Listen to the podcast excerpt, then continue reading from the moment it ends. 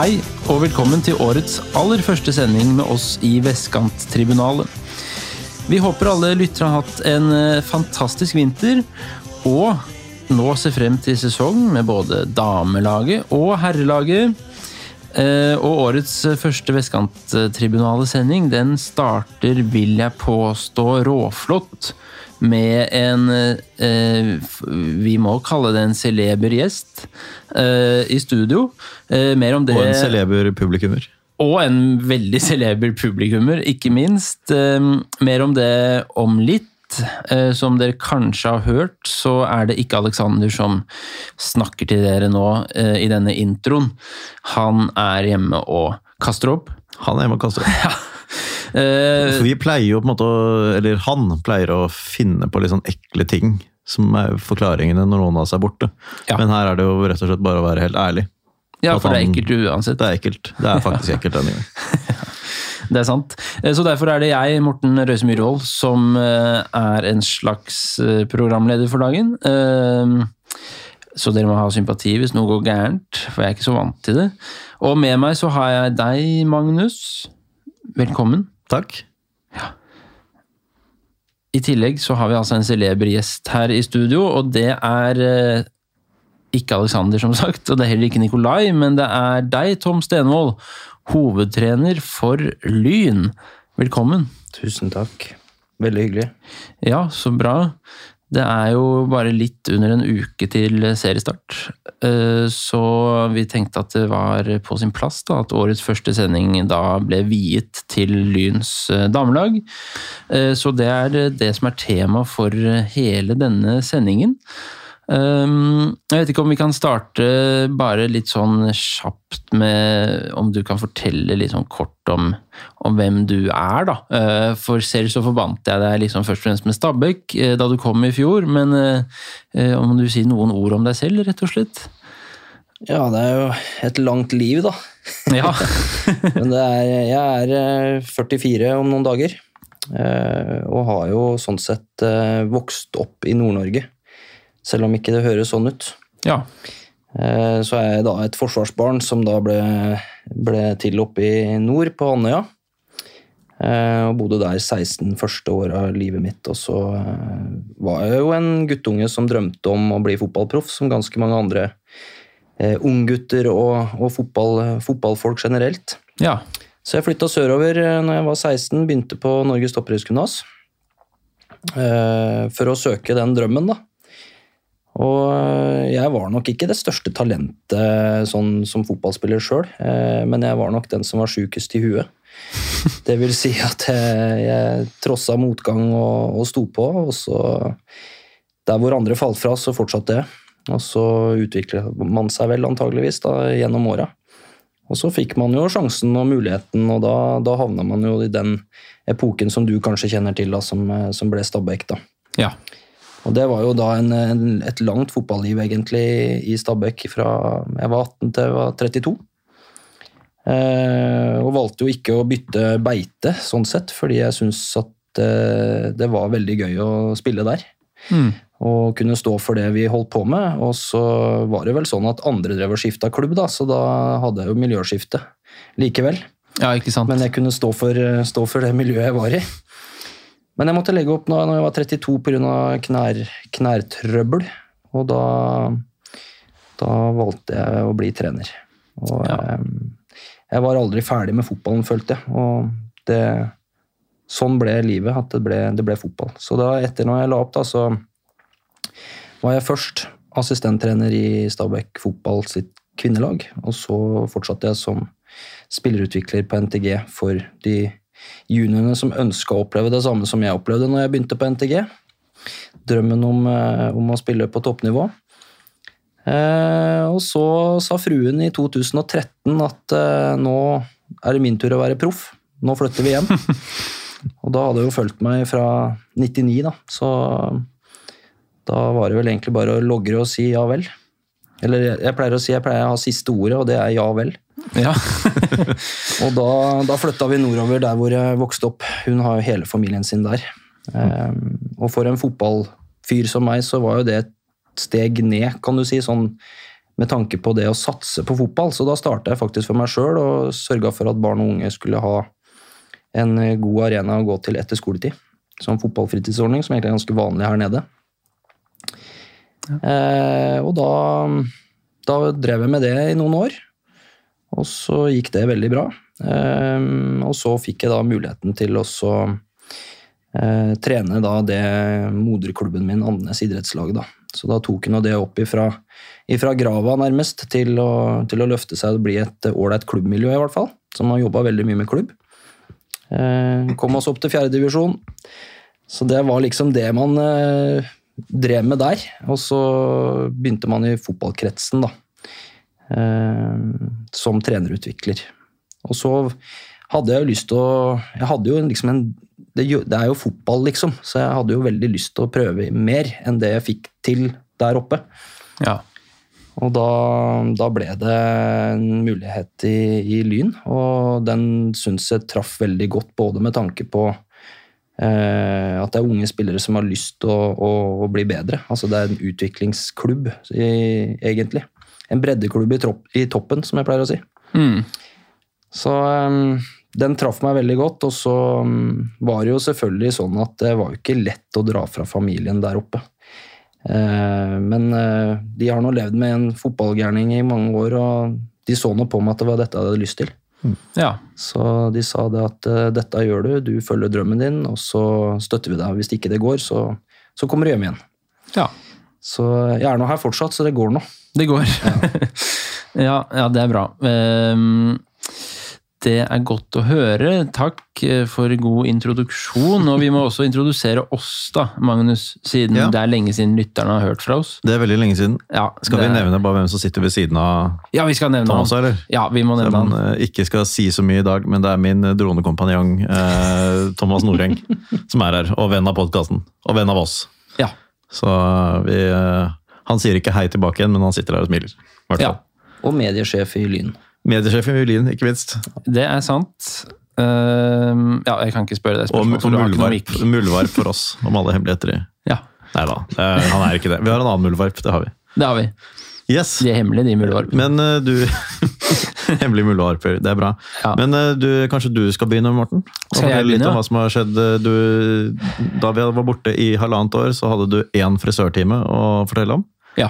Hva som har skjedd siden sist. Har du klippet deg Jeg har ikke klippet meg. siden eh, november? Nei, jeg har ikke det, faktisk. Det er veldig lenge siden jeg har klippet meg nå. Det er, eh, jeg skal kanskje gjøre det snart. Nå kommer jo våren og sånn, men det, jeg har ikke gjort det. Jeg har fått uh, meg førerkort, Stemmer det. og det er jo litt stort. Mm. På sett og vis, i hvert fall. Det er veldig mange som har det, så så stort er det ikke. Men for en som ikke har hatt det, så er det litt stort. Ja. Um, så det er jo gøy. Eh, det har skjedd. Ja, Det er jo litt imponerende i og med at eh, dine foreldre Trine og Espen ikke har bil. Ja, det er litt imponerende sånn sett, ja. Eh, og mamma har ikke lappen engang. Nei? Nei. Men jeg har jo sittet på fanget til pappa og, styrt rattet på hytta fra jeg var seks. Det kan jeg levende se for meg. Ja. ja. Eh, så det var ikke helt fremmed, da. Og så har jeg også vært på et lærerseminar. Som det heller ikke er så ofte at man er på. Eh, så det var forrige uke, på Norefjell, eh, faktisk. Eh, Det var et seminar hvor man skulle bli kjent i en ganske sånn stor Ja, det er en stor skole jeg jobber på, må man kunne si.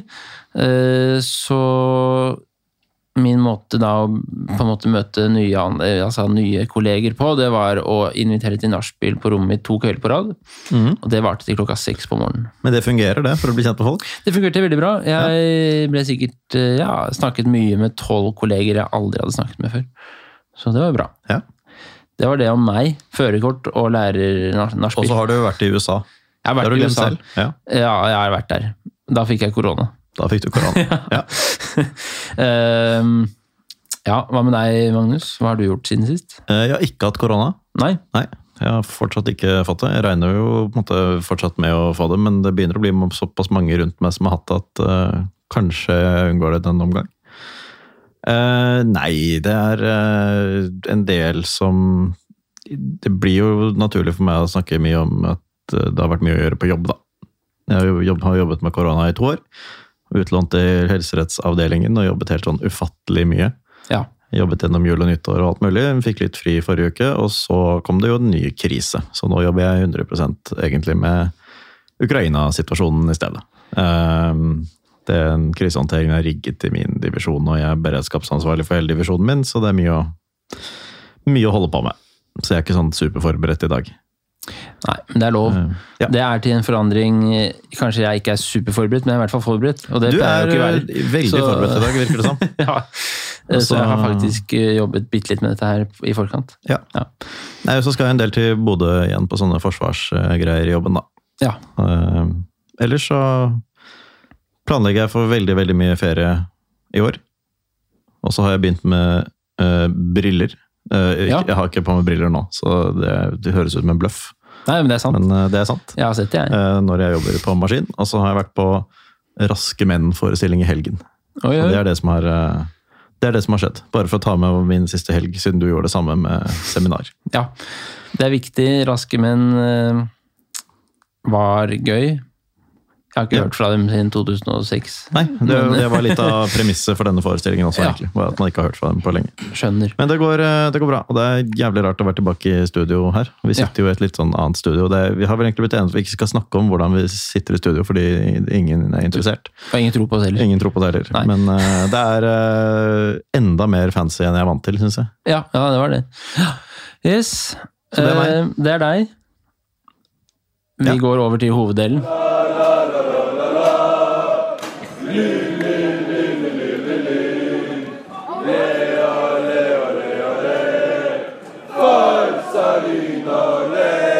Du, du trenger ikke klappe igjen, Morten. Nei, Vi er klapper videre ikke. til ny Det holder med én klapp, ja. Ja. Da er vi over i den eh, på en måte viktigste delen av episoden. Og som nevnt, da, så er dette her en Damelaget spesialsending.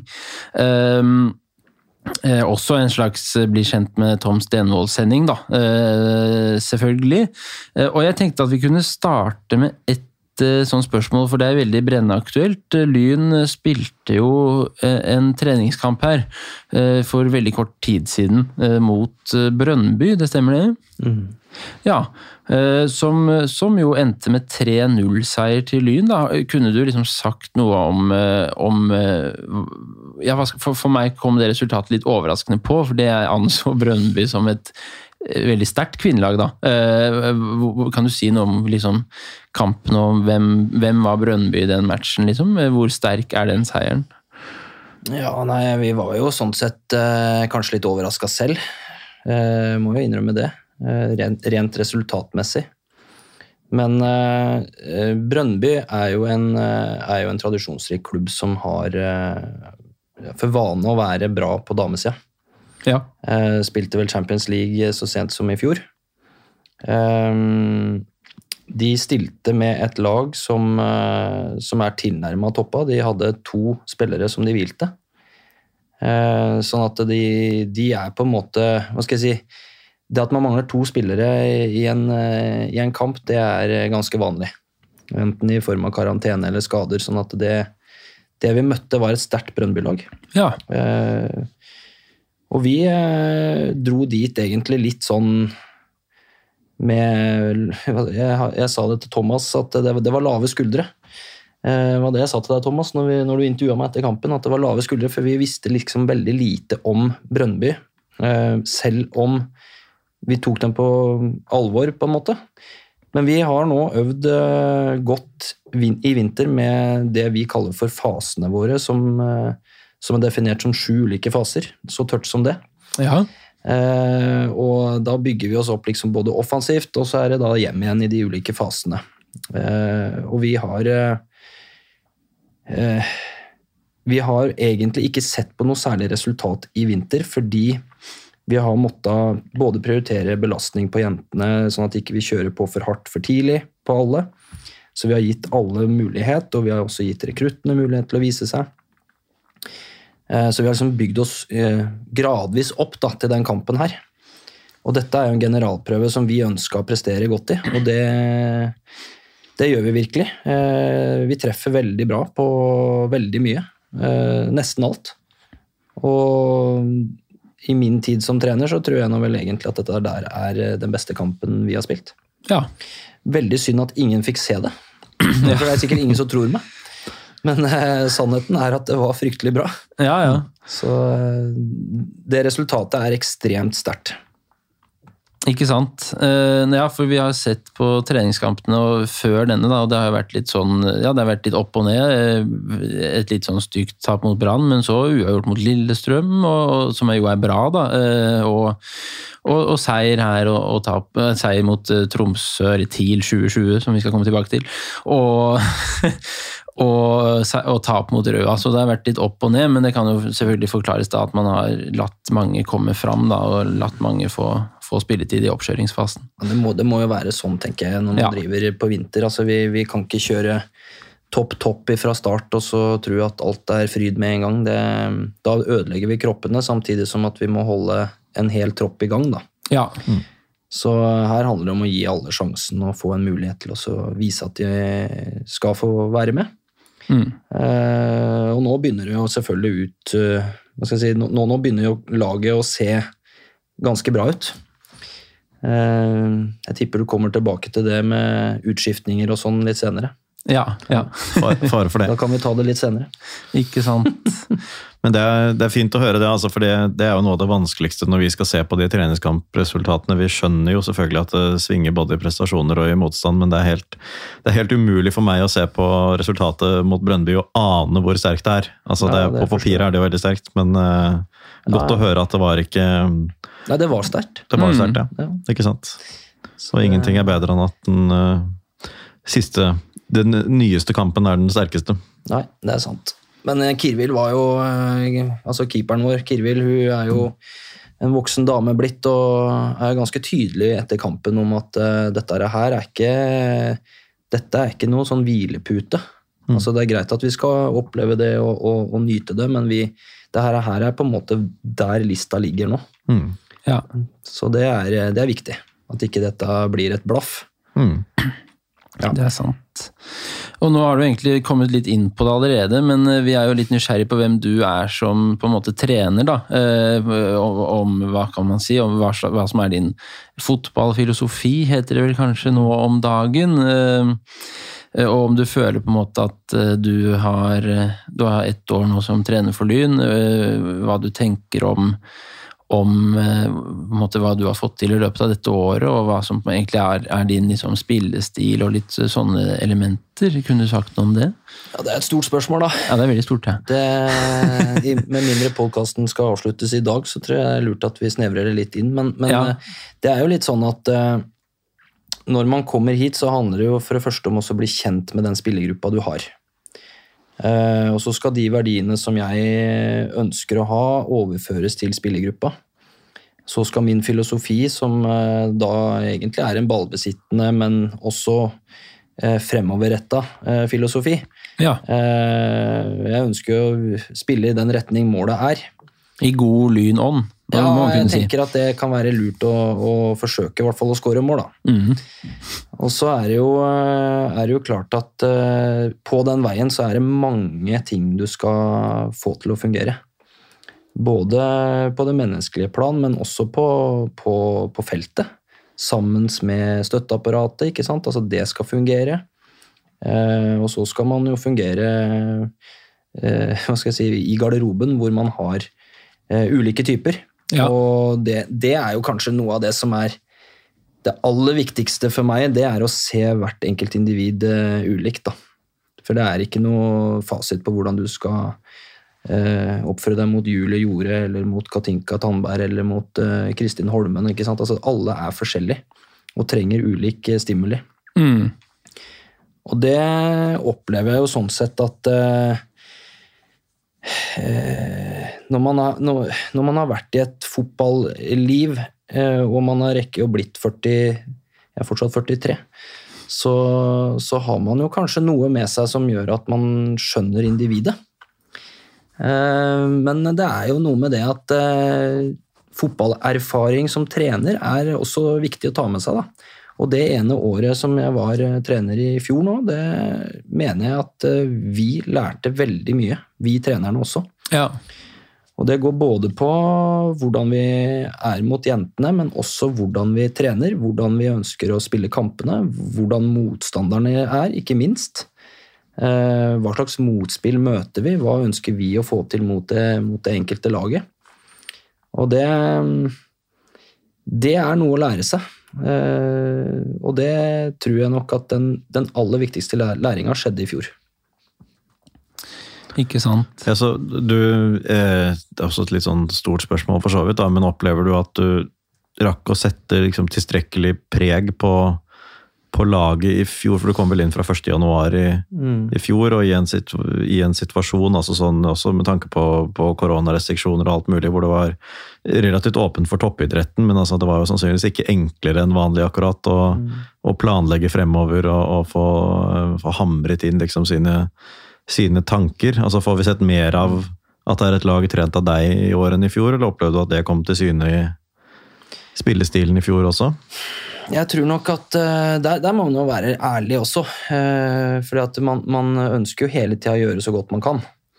Uh, og det at man, det at man mislykkes til en viss grad, eh, må man kunne si, i fjor. Eh, I og med at man taper ni av de tolv tapene våre med ett mål, så mener jeg at mm. det, da er vi nærme, men vi er liksom ikke gode nok. Mm. Og det er jo å stikke fingeren i jorda. Hva gikk gærent? Eh, vi gambla litt i fjor ved at vi investerte mye spilletid i ganske unge spillere. Eh, vi kunne selvfølgelig ha vært råere og sagt at eh, nei, vi må hente inn noen etablerte spillere fordi vi ønsker å komme én eller to plasseringer opp på tabellen. Noe som hadde vært fullt mulig, sånn som tabellsituasjonen var. Men vi investerte heller å, å jobbe med de unge spillerne vi hadde, eh, og ikke bruke penger på noe nytt. Og så er jo utfordringen nå da, å se om den investeringa der gir avkastning i år.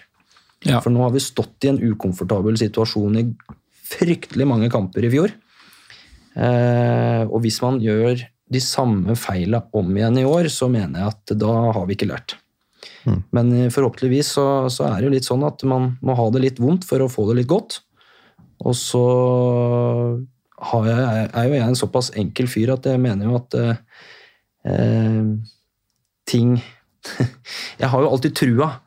Det er jo det som er Vi, Vi, lever, altså vi som er fotballfolk, vi har jo alltid trua. Mm. Men eh, nå har jeg virkelig trua, fordi at eh, vi har mista en del spillere som, som eh, ville vekk. Vi har uh, mista en del spillere som vi mente måtte vekk. Og så har vi mista noen spillere som vi aller helst ikke ville miste. Sånn er det.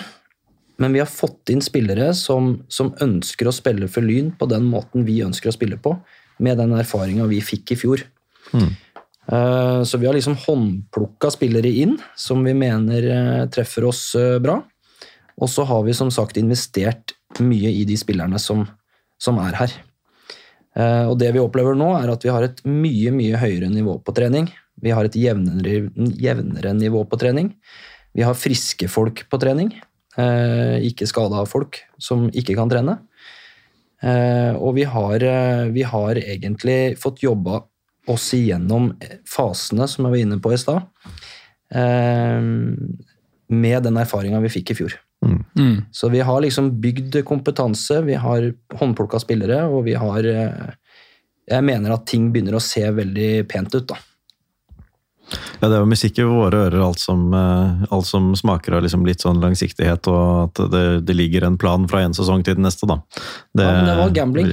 Ja. Altså det, det, var knallhardt. Altså det var ikke kult å stå i den, eh, i den kvaliken i fjor. Nei. Nei. For det, vi, vi, visste jo at det kunne komme. Mm. Eh, vi, sånn sett så frykta vi det jo, eh, mm. men, men, når vi kom i den kvaliken, og for så vidt ikke sånn resultatmessig vi knuser jo ikke Åsane, men vi er totalt overlegne og har på en måte et gir til å gå på mm. hvis vi må. Men der er risikoen så stor hvis vi gambler, mm. at vi ikke tør å gamble Nei. i måten å spille på. Mm. Så når vi da går opp til 1-0 eh, i Bergen, så er det jo egentlig bare å vente på at de åpner seg opp for at vi skal kunne gå for to. Mm. Eh, men de evna ikke å presse, så vi hadde ikke noe behov for å gå frem. Hadde de gått frem, så hadde vi hatt mulighet. Så det er liksom mm. sånn Spiller man sjakk, så sitter man jo egentlig bare og venter på noen trekk, ikke sant? Men, men vi, eh, vi oppfatta ikke at det trekket kom fra dem, så vi hadde ikke noe behov for å vinne noe mer. Det var, målet var å beholde plassen. på. Absolutt. Klart Ja. det. Det Det er også- ukomfortabelt for folk som er rundt, da. Mm. Ja. Vi var ganske rolige på at det der, der kom til å gå fint, men jeg vet at eh, Noreng, som sitter ved siden av meg her, han, eh, han hadde det ikke godt. Nei. Nei, det er jo eh, på en måte ganske kjent det der at man som supporter antageligvis i en del tilfeller kan være ganske mye mer engstelig for det som skjer ute på banen enn en det treneren kanskje vil være. da, Hvis treneren ser at dette her er jo akkurat sånn, sånn som det skal være. liksom, så men så er det vanskelig å vite det for oss som eventuelt ser på kampen.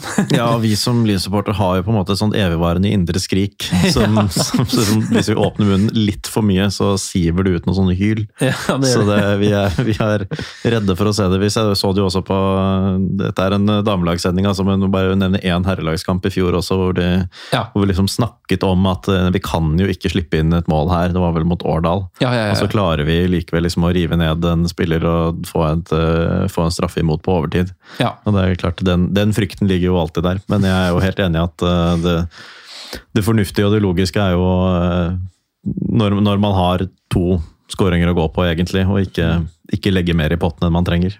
ja. Nei, det, det handler jo litt om hvor, hvor mye folk du sender frem i angrep, f.eks. Mm. At du står bedre i balanse når vi, når vi mister ball. Altså det, og hvordan vi ønsker å spille ut bakfra. Ønsker å være mer direkte for å spille med lavere risiko. Altså det, det er mange ting som kan gjøres for å ikke gamble for hardt. Da. Og det hadde vi ikke råd til i den kampen. Nei, ikke sant? Ja, um,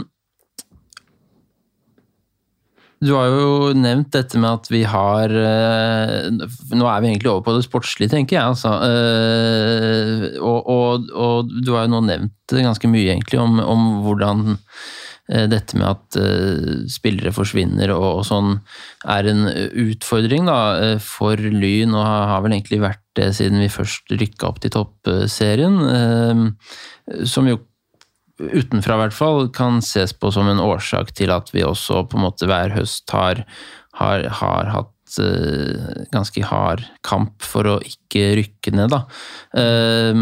Så forstår jeg det egentlig sånn at, at du kanskje tenker at nå, nå er vi et steg på en måte høyere opp enn der Lyn var i fjor eh, på samme tid. Stemmer det?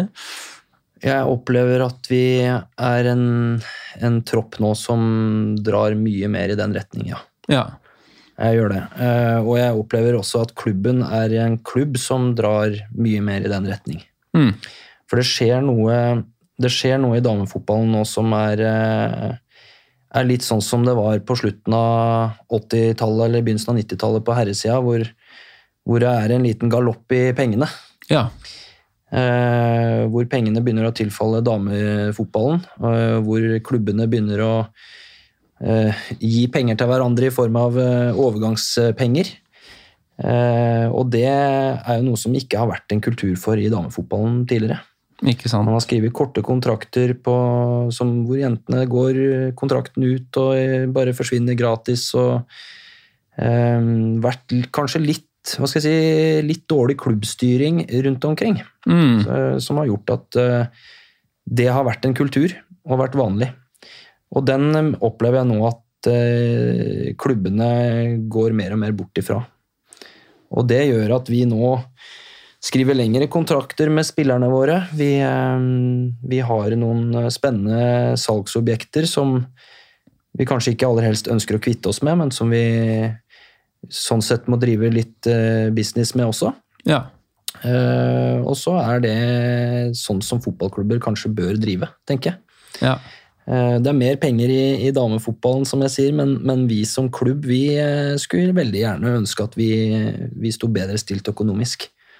Eh, når du ser Vålerenga, Rosenborg eh, har budsjett over 20 millioner, eh, og så sitter vi med vårt budsjett på 4-4,5, så er det klart at det, det skal gjenspeile seg en forskjell. ja.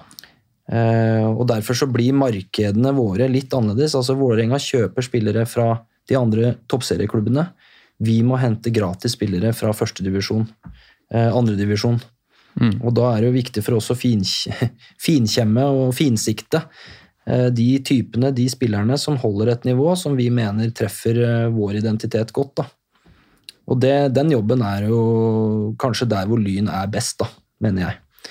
Og jeg har jo framsnakka en Jørgen Reikerås i, i, i Lyn eh, tidligere, og det, det, kan jeg nesten ikke få gjort nok, for det er en, det er en mann som, som har veldig godt kjennskap til, eh, til markeder i Oslo-området, men også landet for øvrig. Ja. Og det går på unge, unge spillere som, som, ønsker å bli gode, eh, og som ønsker å flytte til Oslo, og som da treffer et miljø i, i Lyn som, som, gjør at de får sjansen i toppserien tidlig. En Mathea Berg Solumdal er et eksempel på det, ikke sant, som kom inn nå i vinter. Ikke sant. Som er Norges beste 2006-er. Ja. ja. Hvor kom hun fra? Hun kom fra Flint Eik. Ja. ja. Og sånn, Camilla Melgaard 2005 var jo også et sånt eksempel. Mm. Og det er jo der, der er lista vår. Og så jobber uh, de andre toppklubbene, som de kaller seg, de jobber på et annet nivå. Ja. Men så er det ikke sånn at det, de lykkes ikke best likevel. Altså, vi, eh, vi, har jo de jentene som ønsker å gjerne ta steget ut i Europa. Eh, og kanskje det da er lurt at de er i Lyn først, og så får det eventuelt være en plattform videre for dem hvis de skal videre til Europa, eller gå direkte fra Lyn til Europa. Ja. Um, ja, Det er masse spennende prosjekter på gang i Lyn nå for øvrig, som vi helt sikkert kan komme tilbake til i løpet av den sendinga her. Ja, så bra. Um, siste spørsmål, tenker jeg, før vi tar en eh, vignett til. Um, ditt på en måte forhold til Lyn da, før du kom, um, og hva skal man si Forholdet ditt til Lyn nå etter ett år. Hva, hva, hva, hadde du noen sånn oppfatning om hva Lyn var eh, da du først liksom Altså før 20 før 2021, for å si det sånn. Hva har vært ditt forhold til Lyn tidligere i, fotball, i ditt fotballiv? er egentlig det jeg spør om. Ja, nei, Det var jo selvfølgelig at man spilte mot Lyn. Ja. Eh, som Stabæk-spiller så var jo Lyn en klubb eh, vi alltid kniva med, eh, vil jeg si. Eh, hadde jo, Lyn hadde jo et kjempebra lag. Eh, og jeg har jo spilt eh, sammen med noen av Lynspillerne etterpå også. Både Christian Flitti Onstad, Espen Hoff, for å nevne noen. Og det er jo kjempefin, eh, kjempefin klubb, har jeg opplevd det som hele tida. Eh, og nå som man er inne i klubben, så det første du kommer til liksom, når du kommer inn i peisestua oppe på klubbhuset, det er jo at eh, kong Olav henger på veggen. Og det er jo det er mye sjel og mye tradisjon i den klubben, altså. Ja. Og det skal man ha stor respekt for. Jeg tenker 125 år med historie, det er, det er så solid at det Jørgen Juve henger på veggen der, og det er ikke måte på. Så det, det, er skikkelig kult å være en del av det, og så er det veldig artig å kunne være med å forme eh, damefotballen i Lyn eh, i den perioden jeg er her, i hvert fall. Ja, vi fikk jo faktisk et eh, Når du først nevnte onsdag, mm. så fikk vi et lytterspørsmål eh, som lød noe à la Er du fortsatt falletom? Det vil si, bidrar du fortsatt Eller opp, ja, hvordan er det egentlig sånn når det gjelder hvor, mye, hvor langt er du villig til at dine egne spillere går for å få tre poeng, f.eks.? Nei, Jeg håper ikke de er like glad i ryggen min som Christian Flytte Onsdag var i den kampen. i hvert fall. Han kom jo til Stabæk etterpå, så han må ha vært veldig glad i meg. Ja. Nei, vet du, det, Jeg vet jo hvilken situasjon du refererer til òg, for det var jo en kamp på Ullevål hvor vi møtte Lyn. og, og uh, i den, Jeg husker ikke årstallet, men det kan ha vært i 2005, eller? Ja, fem eller seks. Eller fem, seks, ja. ja. Lyn var jo fryktelig gode uh, på den tida der. Uh, og vi var òg fryktelig gode, faktisk. det var vi. Mm. Men det var en situasjon hvor det kom et innlegg, og hvor jeg hadde Det var, det var første feilen, at jeg hadde forvilla meg inn i boksen, offensiv boks.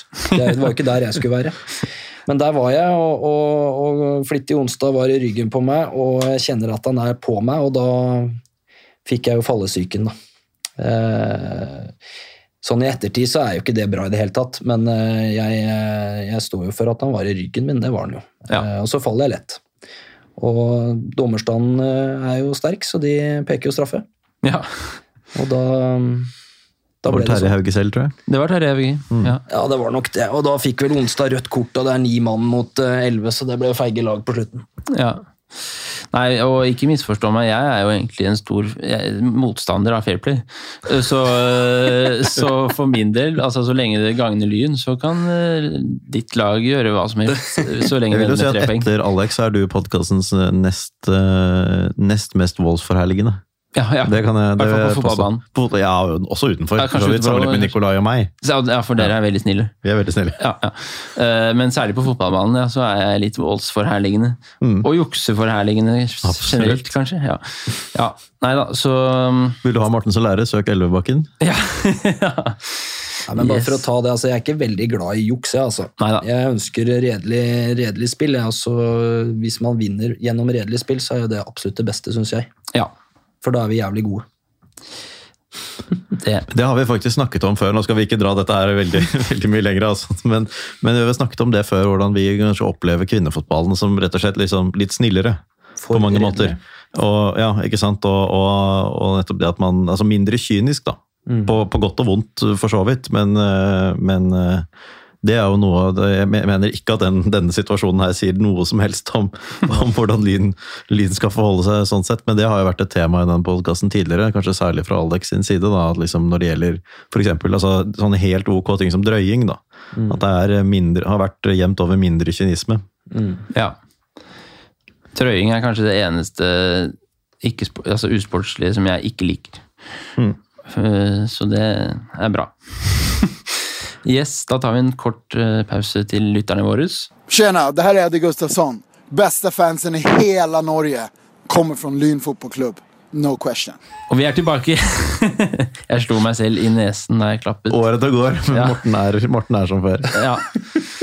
Det har vært Eh, eh, forbausende få sånne rare lyder fra deg foreløpig. Det var noen på benken utenfor studio her i sted. Jeg varme opp. Du varmet opp med liksom lyder, men ja. lite her i studio foreløpig. Det er fordi jeg har så stort ansvar i dag. Så Jeg trodde du skulle si stort ansikt, fordi du nettopp slo deg i nesa. Men ja, Neida. greit. Um, og når vi først snakker om uh, kvinne, på en måte, fotball og, og, og litt Ikke bare på en måte fotball. Jeg vil Nei. til og med si kvinnefotball. Kvinnefotball versus herrefotball har vi snakket bitte litt om, da. Um, vi tenkte også at vi ville snakke litt om det mer systemorienterte, som jeg har skrevet her i mine notater. For det er jo sånn at eh, som supporter så er man på en måte programforpliktet da, til å være skeptiske til store endringer i f.eks.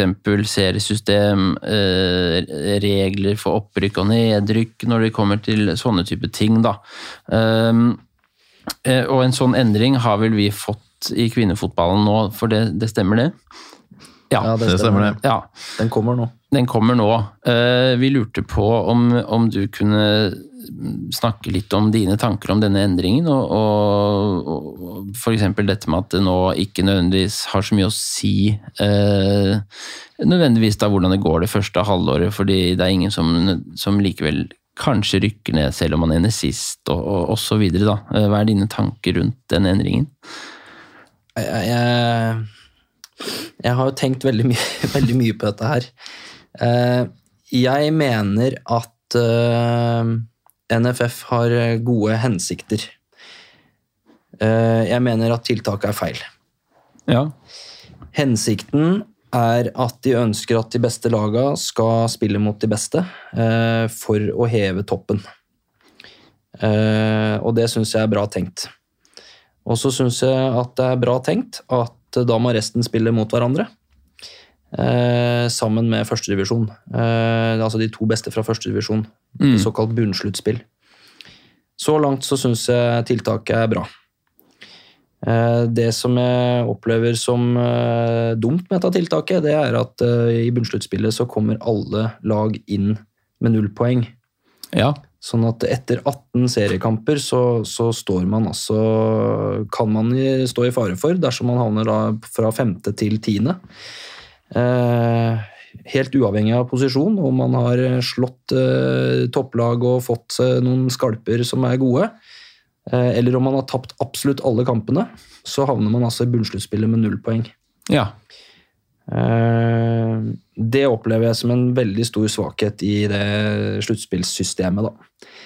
Eh, Så det man kan oppleve, og som kan bli en realitet, eh, frykter jeg.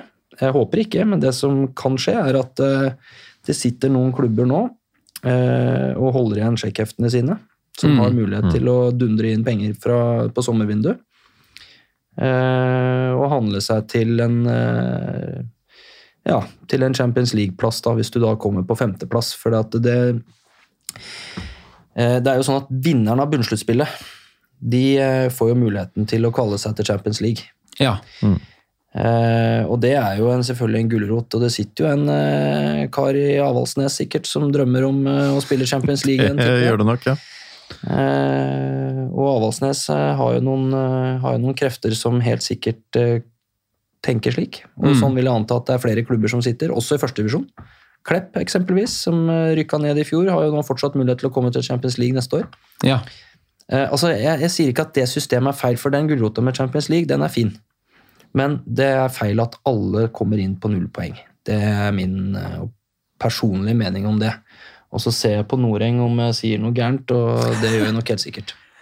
Nei, jeg, jeg, syns Ja, det kommer an på hvem man spør, sikkert, men jeg syns jo det du sier, gir mening, da. Eh, Nå er jo jeg, og deg kanskje, Magnus, eh, enda mer kritisk til denne omleggingen enn det, enn det du kanskje er.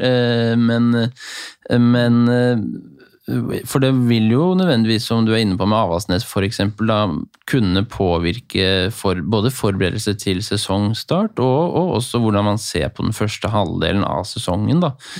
Eh, du nevnte før sending, Magnus, at Ja, eh, ja jeg har altså, tenkt på om, om det egentlig da altså Kan man f.eks. tillate seg flere unge spillere som sentrale brikker fra tidlig i sesongen? Altså, fordi det til syvende og sist er fra august eller noe lignende og ut. da, At, eh, at det avgjøres. Og det har du jo for så vidt til dels svart på også, om ikke nødvendigvis at man kan at man bruker det til å satse på unge spillere som skal utvikle seg kraftig i løpet av sesongen, men, men håper å si verre. At, at man kan sitte og, og holde igjen pengebruken til sommervinduet Ja. rett og slett. da. Eh, Men har det, påvirker det Lyns inngang til sesongen på noe vis? Ja, vi har jo valgt å holde igjen ti kroner da, til ja. høsten.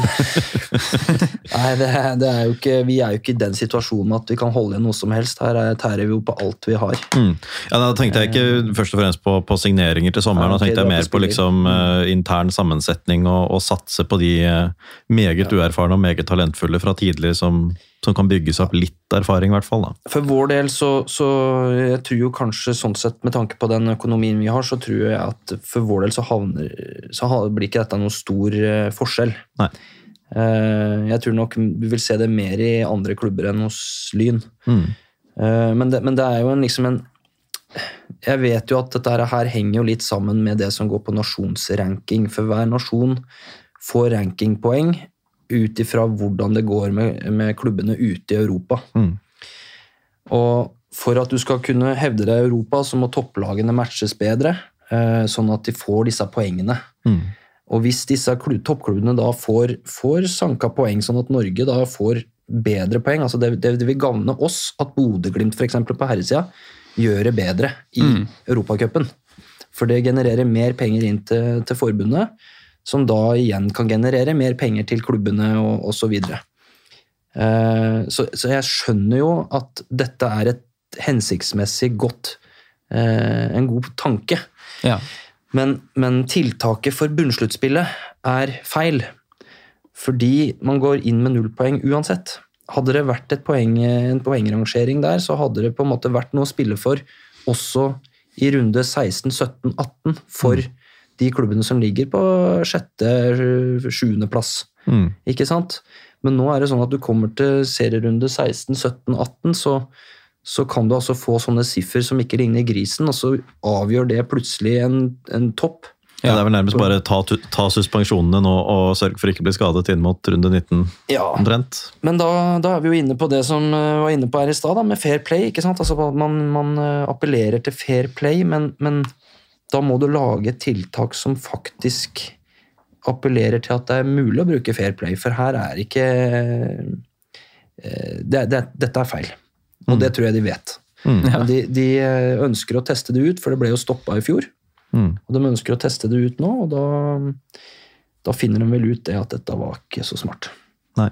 Nei da, det med at eh, poengene strykes er vel, er vel for å kunne få med de førstedivisjonslagene på en fair måte, men, eh, men eh, når det har såpass store ulemper og så kan gi så, så bisarre utslag som det kan Jeg kan i hvert fall si dette her uten at Noreng trenger å bekymre seg. Så sitter og nikker. Ja, ikke sant. så, så, så, er det jo noe på en måte fundamentalt galt med implementeringen, i hvert fall. da. Det er det jo. Selv om jeg, jeg forstår jo tanken, jeg forstår jo sånn koeffisient at, at, det er et hensyn her, da. Eh, å mm. få, få, interne kamper og sørge for at det er de som tar mest poeng ut i Europa, som, mm. som, eh, som skal dit hvert år. Men eh, det ser, det ser underlig ut, og det går jo an de flere, Mange liksom, nye systemer og hypercube-designede eh, serieopplegg, så kan man jo se for seg liksom, helt absurde utslag, men eh, men vi, vi, som supportere har vel en sånn frykt, eh, berettiget eller ei, da, for at dette på en måte sklir ut. Altså at dette blir liksom så showpreget til slutt. da. Det er jo noe av det vi er mest redd for. Ja. At uh, det blir sånn som i nederlandsk uh, nivå to, tror jeg der, hvor du liksom du kommer til uh, kvalik til øverste nivå hvis du gjør det best i runde liksom 10 til 17. Mm. Og sånn. Og det er jo sånne utslag vi egentlig er, egentlig er aller mest redde for. Ja. Men uh, men ja, ja nei, vi, vi, synes jo, eller jeg synes, og jeg tror Morten også er enig i, at det, det, er jo en sånn spesielt stor svakhet, nettopp det du var inne på, med at man eh, stryker poengene, og det var det å åpne for. og En sånn appell til fair play, den fungerer jo, den fungerer jo øh, veldig bra hvis 100% følger den, og så fungerer den brukbart hvis ingen følger den, men hvis 90% følger den, så fungerer den tvert imot helt forferdelig dårlig. Ja, nei, altså det, det kan bli rart, men eh, jeg håper ikke det blir det. Ja. Det, det, det, jeg sa det jo ganske tidlig når jeg begynte i Lyn, at uh, jeg har lyst til å være med å utvikle produktet. og Det, går jo både på Lyn damelaget, men det går jo også på, på uh, fotballen for damer. Uh, jeg har aldri likt det ordet damefotball, for det, er, det, er, det høres ut som det er en annen idrett. Men fotball for damer er liksom en Vi driver med fotball. Altså, vi, vi kan ikke kødde det til med med ligastrukturer eller eh, pengebruk eller altså sånne ting. Jeg tenker alt bør være i orden. Eh, og nå tenker jeg, nå har de kødda det litt til. Mm. Og det er helt unødvendig. Mm. Eh, vi skal, NFF har jo en målsetting om at vi skal bli topp seks-liga i Europa. Og jeg er usikker på om vi blir en topp seks-liga i Europa gjennom denne ligastrukturen. Jeg er usikker på om vi blir en topp seks-liga i Europa gjennom å si at vi skal ha kvinnelige dommere. Eh, hvorfor det? Altså, Hvilken topp seks-liga i Europa er det som har kvinnelige dommere? Eller skal ha kvinnelige dommere. Mm. Altså, Jeg er ikke imot kvinnelige dommere. Ikke misforstå meg. Nei da, men et, mål, et, måltall. Jeg, men jeg er, for, jeg er, for, at toppen har de beste dommerne. Uavhengig av kjønn. Altså, Vi kan ikke ha, ha det sånn at vi skal ha det fordi at vi skal vi skal få frem kvinnelige dommere. Da, det er mm. ikke i topp, toppdivisjon, det. Nei. Det hører ikke til der. Mm. Så det er, noen, det er, noen, tiltak som er, har gode hensikter, men det er feil. Mm. ja. ja. Um, vi ser jo også, eller vi har jo diskutert dette her litt også, om det er liksom et tegn på at, at, at uh, fotball for damer, eh, er en slags eh, i, den, i akkurat dette tilfellet, da, eh, på en måte Prøvekanin. en slags prøvekanin da, for, for, fotball for herrer. Og, det heter herrefotball. Ja, det heter herrefotball. Okay. For herrefotballen. For det er en annen idrett. Ja. Og eh, at dette ikke At det er typisk da, at, at, det på en måte testes ut eh, hos kvinnene før man på en måte tester ut hos herrene. Eh, men det er jo også spekulasjoner, selvfølgelig. Men jeg vet ikke om du som liksom aktiv i, i, i, fotballen, om du har tenkt ofte på at, at din liksom hjertesagt hjertesak, da. Fotball for damer blir nedprioritert eller blir sett på som liksom prøvekaniner osv. da. Eh, jeg har jo jeg, Når jeg begynte som trener, så, så var jo første jeg gjorde, var jo å være assistenttrener på et damelag. Ja. Eh, fra den tida til nå så har det skjedd ekstremt mye både på flere, altså flere klubber som satser på dame, fotball. Fotball for damer. Mm. Og det er flere klubber som, eh, som, eh, altså som har spillere som har et ferdighetsnivå som er langt over det det var da. På to, I dag det snakker vi 2011. Ja. Eh, og de unge spillerne som kommer opp nå, de fortjener bedre.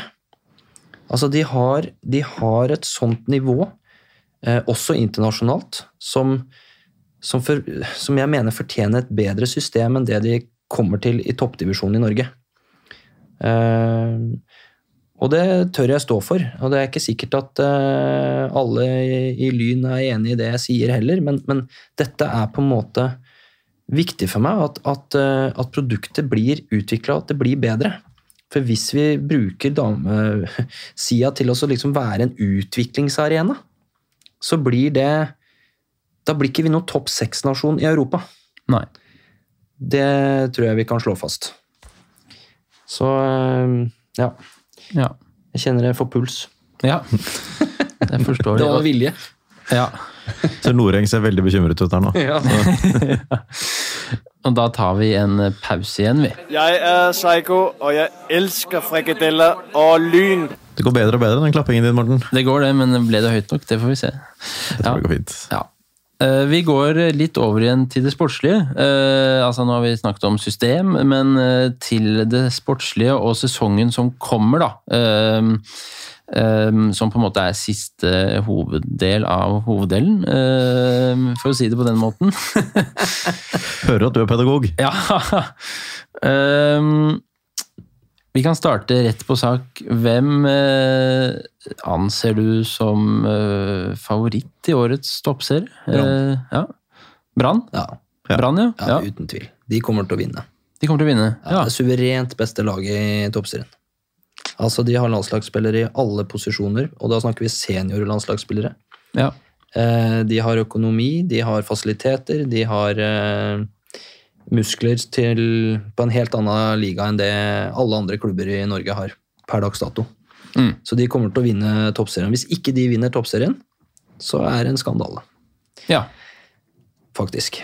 Uh, og jeg tror de er ganske mye bedre enn uh, en Rosenborg, som helt sikkert ønsker å være på toppen, men de er ikke i nærheten av Brann, faktisk. Uh, og så vil det nok være jevnt derifra. For det kunne ha, eller det burde ha vært eh, ganske soleklart Vålerenga som nummer tre, sånn i forhold til økonomimuskler. Men eh, det er ikke opplagt at det er de som er nummer tre. Så jeg tror det kan være ganske jevnt ifra tre og nedover, Mm. faktisk. Når det gjelder Lyn på en måte, øh, og konkurrenter altså rundt seg, da, hvilke klubber tenker du Lyn må liksom slå, hvis man kan si det på den måten? Hvilke klubber er det som, som Lyn må være liksom som, som Lyn bør se seg rundt om på tabellen da, for å ikke havne bak, hvis du skjønner hva jeg mener? Ja. Nei, gitt at, eh, gitt at vi realistisk sett så er jo vi i bunnsluttspillet i september. Mm. Det er jo realistisk. Eh, Så kan man jo drømme om noe mer, men eh, det er jo realistisk å tenke seg til at man havner på null poeng uansett om man havner på femte- eller tiendeplass. Så for oss så er det ikke viktig å slå noen, egentlig, før, før i september. Nei. Men eh, det, det sa jeg nok egentlig ikke, for det mener jeg jo ikke. Jeg er jo en som ønsker å vinne hver eneste kamp. Men jeg mener jo ut ifra den vinteren som har vært nå, eh, både for egen del, at vi ser sterkere ut, eh, og så syns jeg vel kanskje at før sommervinduet så syns jeg ikke Avaldsnes ser veldig sterk ut. Jeg syns eh, kanskje heller ikke at Oslo-nabo Røa ser fryktelig sterk ut. Men eh, det er jo tidenes jinx, det, er ikke det? Hvis, eh, hvis man går på en smell der. Men det er liksom, vi er, noen, vi er jo i det leiet, tenker jeg. Og ja. det er jo realistisk. Men eh, vi har absolutt ferdigheter og, og eh, ja, muligheter til å se oppover på tabellen. Og det, det mener jo jeg ut ifra fjoråret også, som var en, eh, var en knallhard affære på mange måter. Men jeg mener jo at vi tidvis i fjor også så ut som vi hadde et mye høyere potensial enn det vi klarte å få frem. Eh, og det er jo lett å se seg blind på resultater, og det skal man jo gjøre nesten nå. Men eh, når man da liksom står 75 minutter mot så å si all motstand eh, og holder nivå mot Brann, eller Sandviken som de het, mot Rosenborg, mot Vålerenga, mot Lillestrøm, men vi taper, eh, så er det nesten en forventning om at vi gjør det. Men det som gir meg litt ekstra trygghet og ro, eh, er at vi står så godt mot de beste Ja. med det vi har. Eh, Og når da det har fått jobba seg gjennom et år med læring, og det er med mye feil i læring, du skal gjøre feil, og så er det lurt å lære, da. Så får vi se om vi har gjort det, og da tror jeg at vi kan være oppe og kjempe litt, faktisk. Eh, Men jeg tør ikke si topp fire, men jeg- jeg, mener jo at vi kan være i, i sjiktet seks, fem-seks. Ja. Ja, det mener jeg at vi kan være. Det er jo veldig gledelig å høre. Det, Ja da, det, det er det. Nei, vi eh, Jeg syns jo det er så vanskelig å følge med fra sesong til sesong. Jeg syns det er vanskelig på det er vanskelig på både herre- og damesiden. Ja, ikke sant. For det, der, eh, der, vet, der forandrer jo lagene seg. Ja. Men her også så er det jo store utskiftninger, tradisjonelt, da. Ja. Og, eh, og, og ikke minst denne Dette med at eh, flere og flere etablerte, la oss kalle dem herreklubber, da, tar over eh, kvinneklubber. Man kan si det sånn. Det at eh, Sandviken eh, vinner eh, toppserien. Og eh, likevel slukes, eller altså om de slukes eller om de går inn i hva man nå anser det, da, men, men at det navnet, eh, navnet blir borte eh, til et lag som de fleste forbinder, først og fremst da med et herrelag som, som gikk ned fra De trengte jo det for å ha et topplag. Mm. sant? De treng, Brann trengte jo det for å ha et topplag. Ja, ikke sant? Det er det som skal til for at de, de i hvert fall har noe på, nivå, på øverste nivå neste år. Ja. ja. For ikke å snakke om TIL 2020. Eller kanskje vi skal snakke om TIL 2020? Ja, ja, skal vi snakke om TIL 2020? Nei, jeg bare skjønner ikke hva det er, hva det er for noe. Nei, det er jo en, en eh, klubb som eh, ble oppretta, som tok over Fløya. Ja. Ja. Så eh, det var vel et samarbeidslag et år i fjor, tror jeg. Fløya TIL 2020, Mm. og nå bare TIL 2020. Skjønner. Ja. Ja. Det er Ikke verre enn det. Rar ting å skryte av. Stiftelsesdato 2020. Sarpsborg 08. Ja, Ja, det er sant? sant. Ja. De heter jo alt mulig rart. De hadde syv forskjellige navn eller sånt før de endte på Sarpsborg 08, tror jeg. ja. Nei, ja, vi ja, Jeg tenker Lyn kan hete Lyn 1896 nå, for det, det er noe å skryte av. Det er noe Men skryte av. eh, TIL 2020, det er ikke så mye å skryte skryt av. Ja, det er litt tynt, ja. ja. det er litt tynt. Um, jeg må jo si det at Avaldsnes i år blir liksom litt spennende med ny, ny hovedtrener. Ja, jeg er enig. kan bli show. Ja, det er et sirkus. Vi er, det er vel det eneste ordet jeg klarer å dekke det med. Eh, familien min er jo egentlig ikke så opptatt av at eh, Lyn skal møte Avaldsnes. Det er liksom Lyn møter Jon Arne Riise. ja. Eh, så dette er den viktigste kampen, mener de. Mm.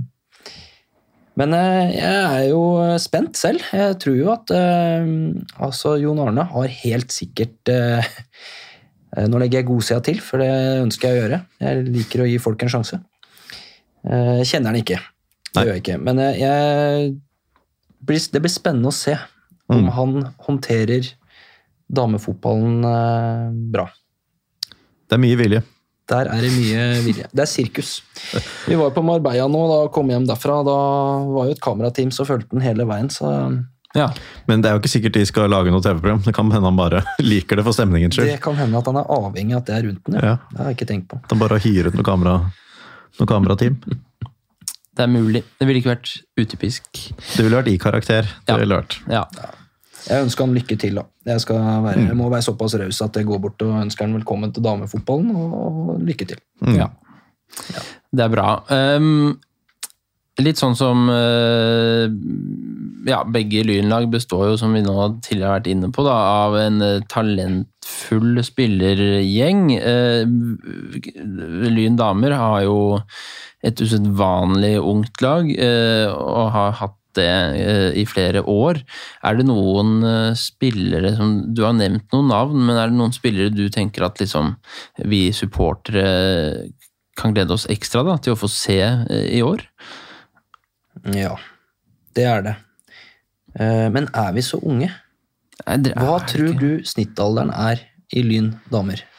Jeg tror den er eh, Nå sier jeg sikkert noe riv ruskende galt. Eh, La oss si at jeg tror den er 21 år. Ja, det er helt riktig. Å, er den, ja? Ja. ja? Men det er kanskje ikke så Bra ungt. tippa. Ja, takk. takk. Men det er jo fordi han spør at du sier 21, for ellers hadde du sagt 17. Hvis du skulle sagt det sånn i forbifarten. Ja, men jeg skjønner at du Jeg økte tenker det, fordi at vi har, mange, vi har jo veldig mange spillere som er veldig unge. Ja. Eh, hvis vi hadde tatt bort eh, Kirvil og Maja, da, som er de to eldste, Mm. så er vi på 20. ja. Så vi er fortsatt unge, men, men eh, i, i, eh, i denne I denne leiren så tror jeg faktisk ikke det er så ungt med 20. Det, jenter har jo en eh, litt annen snittalder på, på aktiv karriere enn det herrene har. ja. Men eh, tilbake til spørsmålet. Altså Unge spillere som du tror, vi tror kan ta, ta dere med storm i år. Jeg, det er vanskelig eh, å komme utenom Camilla Melgaard. Rett og slett fordi at eh, det, er en, eh, det er en spiller med ekstreme ferdigheter. Med helt rå fysikk. Og har noe annet enn veldig mange andre. Mm. Hun har bl.a. retningsforandringer. Hun klarer å skifte retning ja. med ball. Og har et rykk og et tempo én mot én som er eh, veldig spennende. Eh, fotballsmart. Så det, er- det er en kjempe, kjempespennende spiller. Eh, 2005-modell, var det det? 2005, ja. Ja. Konfirmert i fjor? Nei, det var ikke konfirmert for to år siden. ja.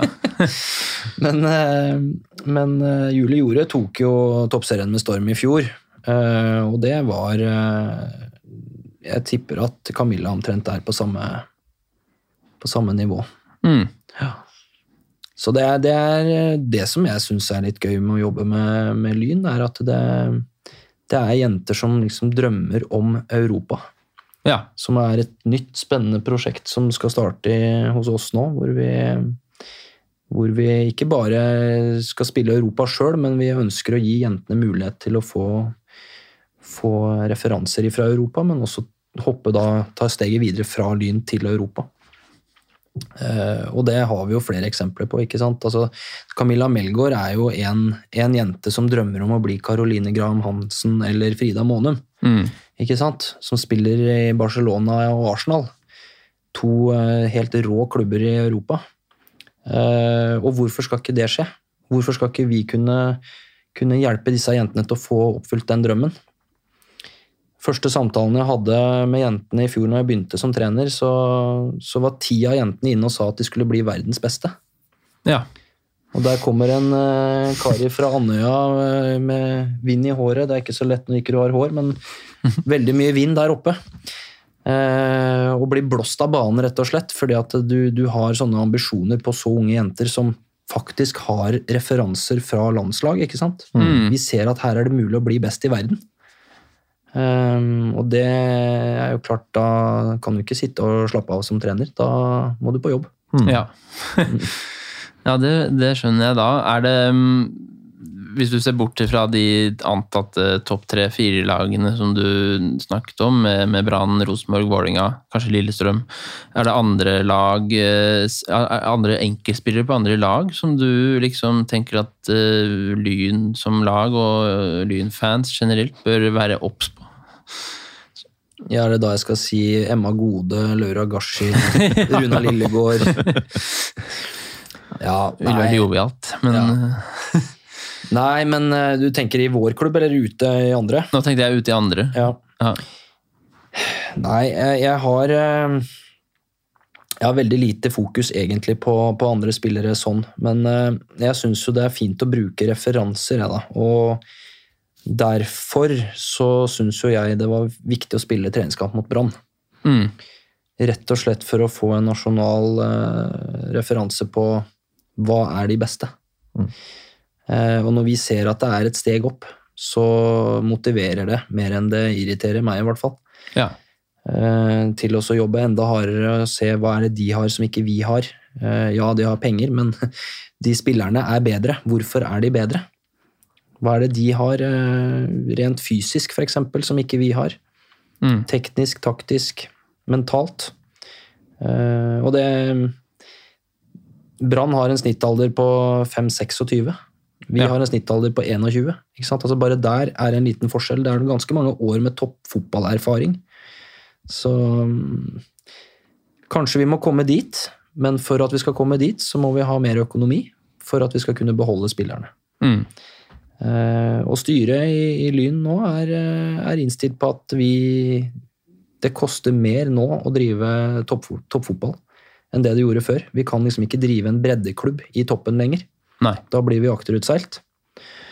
Eh, Så derfor så er det jo så fryktelig deilig nå å se at klubben vokser, i form av at vi har fått ja, en Thomas Noreng da, som sitter her stille og rolig ved siden av meg, og 100% på media, ikke sant. Eh, Vi har en, eh, har en, eh, en som har kommet inn nå på, på, på markedsbiten, som da skal jobbe kun med det. Og det er klart, potensialet ligger jo der. Det er jo, I Lynland bør jo være mer, enn, mer muskler enn de, de midlene eller ressursene som vi besitter akkurat nå. Så ja. Jeg er sterk i trua, som vanlig. Ja. Det er godt å høre. Ja. Um, vi nærmer oss eh, avslutningen. Vi kan ta en vignett til eh, vi, før vi da går over i liksom sendingens avsluttende element. Hei, jeg heter Espen Hoff, og du hører på Vestkanttribunalet. Det var bra klapp. Til Kjempeklapp. de som styrer det. Eh, ja. Eh, dette har vært savnet, veldig jeg gøy. savnet deg i vinter, Morten. Ja, i like måte. Altså- i like måte. Dette har vært veldig gøy, eh, og en stor glede, Tom. Um, Takk i like måte. Det er bra. Vi har hatt eh, mange diskusjoner blant supporterne når det gjelder valg av hjemmebane for herrelaget. Det har vært en debatt som nå har endt sånn som 99% av Bastionen ønsker, nemlig at Lyns herrelag skal spille på Bislett neste år. Eh, hvordan har, Er det noen lignende liksom, stadiondiskusjoner hos dere, eller er det sånn at man på en måte, enn så lenge i hvert fall, anser Kringsjå som, som en fin eh, arena å, å spille på? Eh, Kringsjå er jo arenaen vår. Ja. Eh, men eh, forfatningen på Kringsjå per dags dato er jo mildt sagt dårlig. Tenker du underlag og sånn da? Ja. Eh, kunstgresset er eh, ødelagt. Mm. Uh, og undergrunnen, altså under kunstgresset, så har vinteren tatt fullstendig knekken på alt. Sånn at det er eh, telehiv i hele Det er kulekjøring på flankene der. Jeg er redd Kloss må ta på seg kulekjøringsskia hvis hun skal drive ut på flanken. Men uh, det har gjort faktisk til at banen ikke er spillbar. Ja. Så knapt nok treningsbar. Eh, Så vi eh, kommer til å få en alternativ arena. Per dags dato så vet vi ikke hvilken arena det er, men eh, vi appellerer vel litt rundt i nærområdet. Og ikke på de aller største arenaene, for det, det vil vel verken Lyn eller de arenaene ha oss inn på. Men vi, vi, vi er vel ute i Groruddalen et sted og leter etter en alternativ kampbase. Og det må være en såpass kampass at det er mulig å ha TV-kamper. da. Så ja. det kan ikke være en eh, kunstgressbane rundt omkring. Det må være en eh, godkjent Obos-arena som et minimum. da. Ja. Vil det gjelde, tror du, hvor stor del av sesongen er det i Kringsjå er uspillbar? Ja, det er et godt spørsmål. Eh, Men, men det, nå skal jo den, det er jo tre kunstgressbaner der oppe. sant? Eh, Den kunstgressbane nummer én, da, som er hovedbanen, den eh, blir tidligst rehabilitert til sommeren. Mm. Uh, Og det betyr at da er vi nå i hvert fall er vi nå i hvert fall ute av kamp eh, der oppe frem til sommeren. Ja. Så får vi nå se hva fremtiden bringer. Det er jo eh, Det skjer jo plutselig ting òg, som ikke jeg har kontroll på. Ikke sant? Er det på Lyns eh, regning, eller er det kommunen som må Det er ikke din jobb å vite, egentlig, altså, men uh... Nei, jeg, jeg mener at dette her er Det er et kommunalt anlegg som uh, SFK er, eh, er driver av. mm, Uh, og så er det jo eh, på samme måte som Skeid har oppe på Hva heter det der? Voldsløkka? Ja, altså Nordre Åsen. Nordre Åsen, ja. Der har det jo òg vært litt styr. Mm. Så det er jo samme, samme greiene på Kringsjå, dessverre. Ehm, Så det må jo, kommunen må jo ordne opp i det, men hvem som er skyld i at banen er som den er, det vet ikke jeg. Altså. Det, det er utafor mitt bord. Ja, nei da, jeg tenkte på, på ansvaret for å utbedre det når det først skjer, altså, men det, for det er jo en, eh, det er jo en gjenganger det med, med at eh, altså man har jo sett, Vi har jo sett regnestykker før på eh, antall spillere eller antall minutter det er behov for treningstid, og hva man har til disposisjon av baner, og der kommer jo Lyn uh, erfaringsmessig veldig dårlig ut. Vi har, uh, burde vært nummer én på prioritering på rehabilitering av anlegg en god stund, og så blir det vel gjerne sånn revu, reviderte og forhandlede budsjetter i bystyret. At pengene flyttes fra, fra Lynland til andre steder. Vi trenger noen gode politikere som Ja. har en uh, sterk stemme i det bystyret. mm, ja, man, eh, man gjør det, altså, på den fronten der. Ja.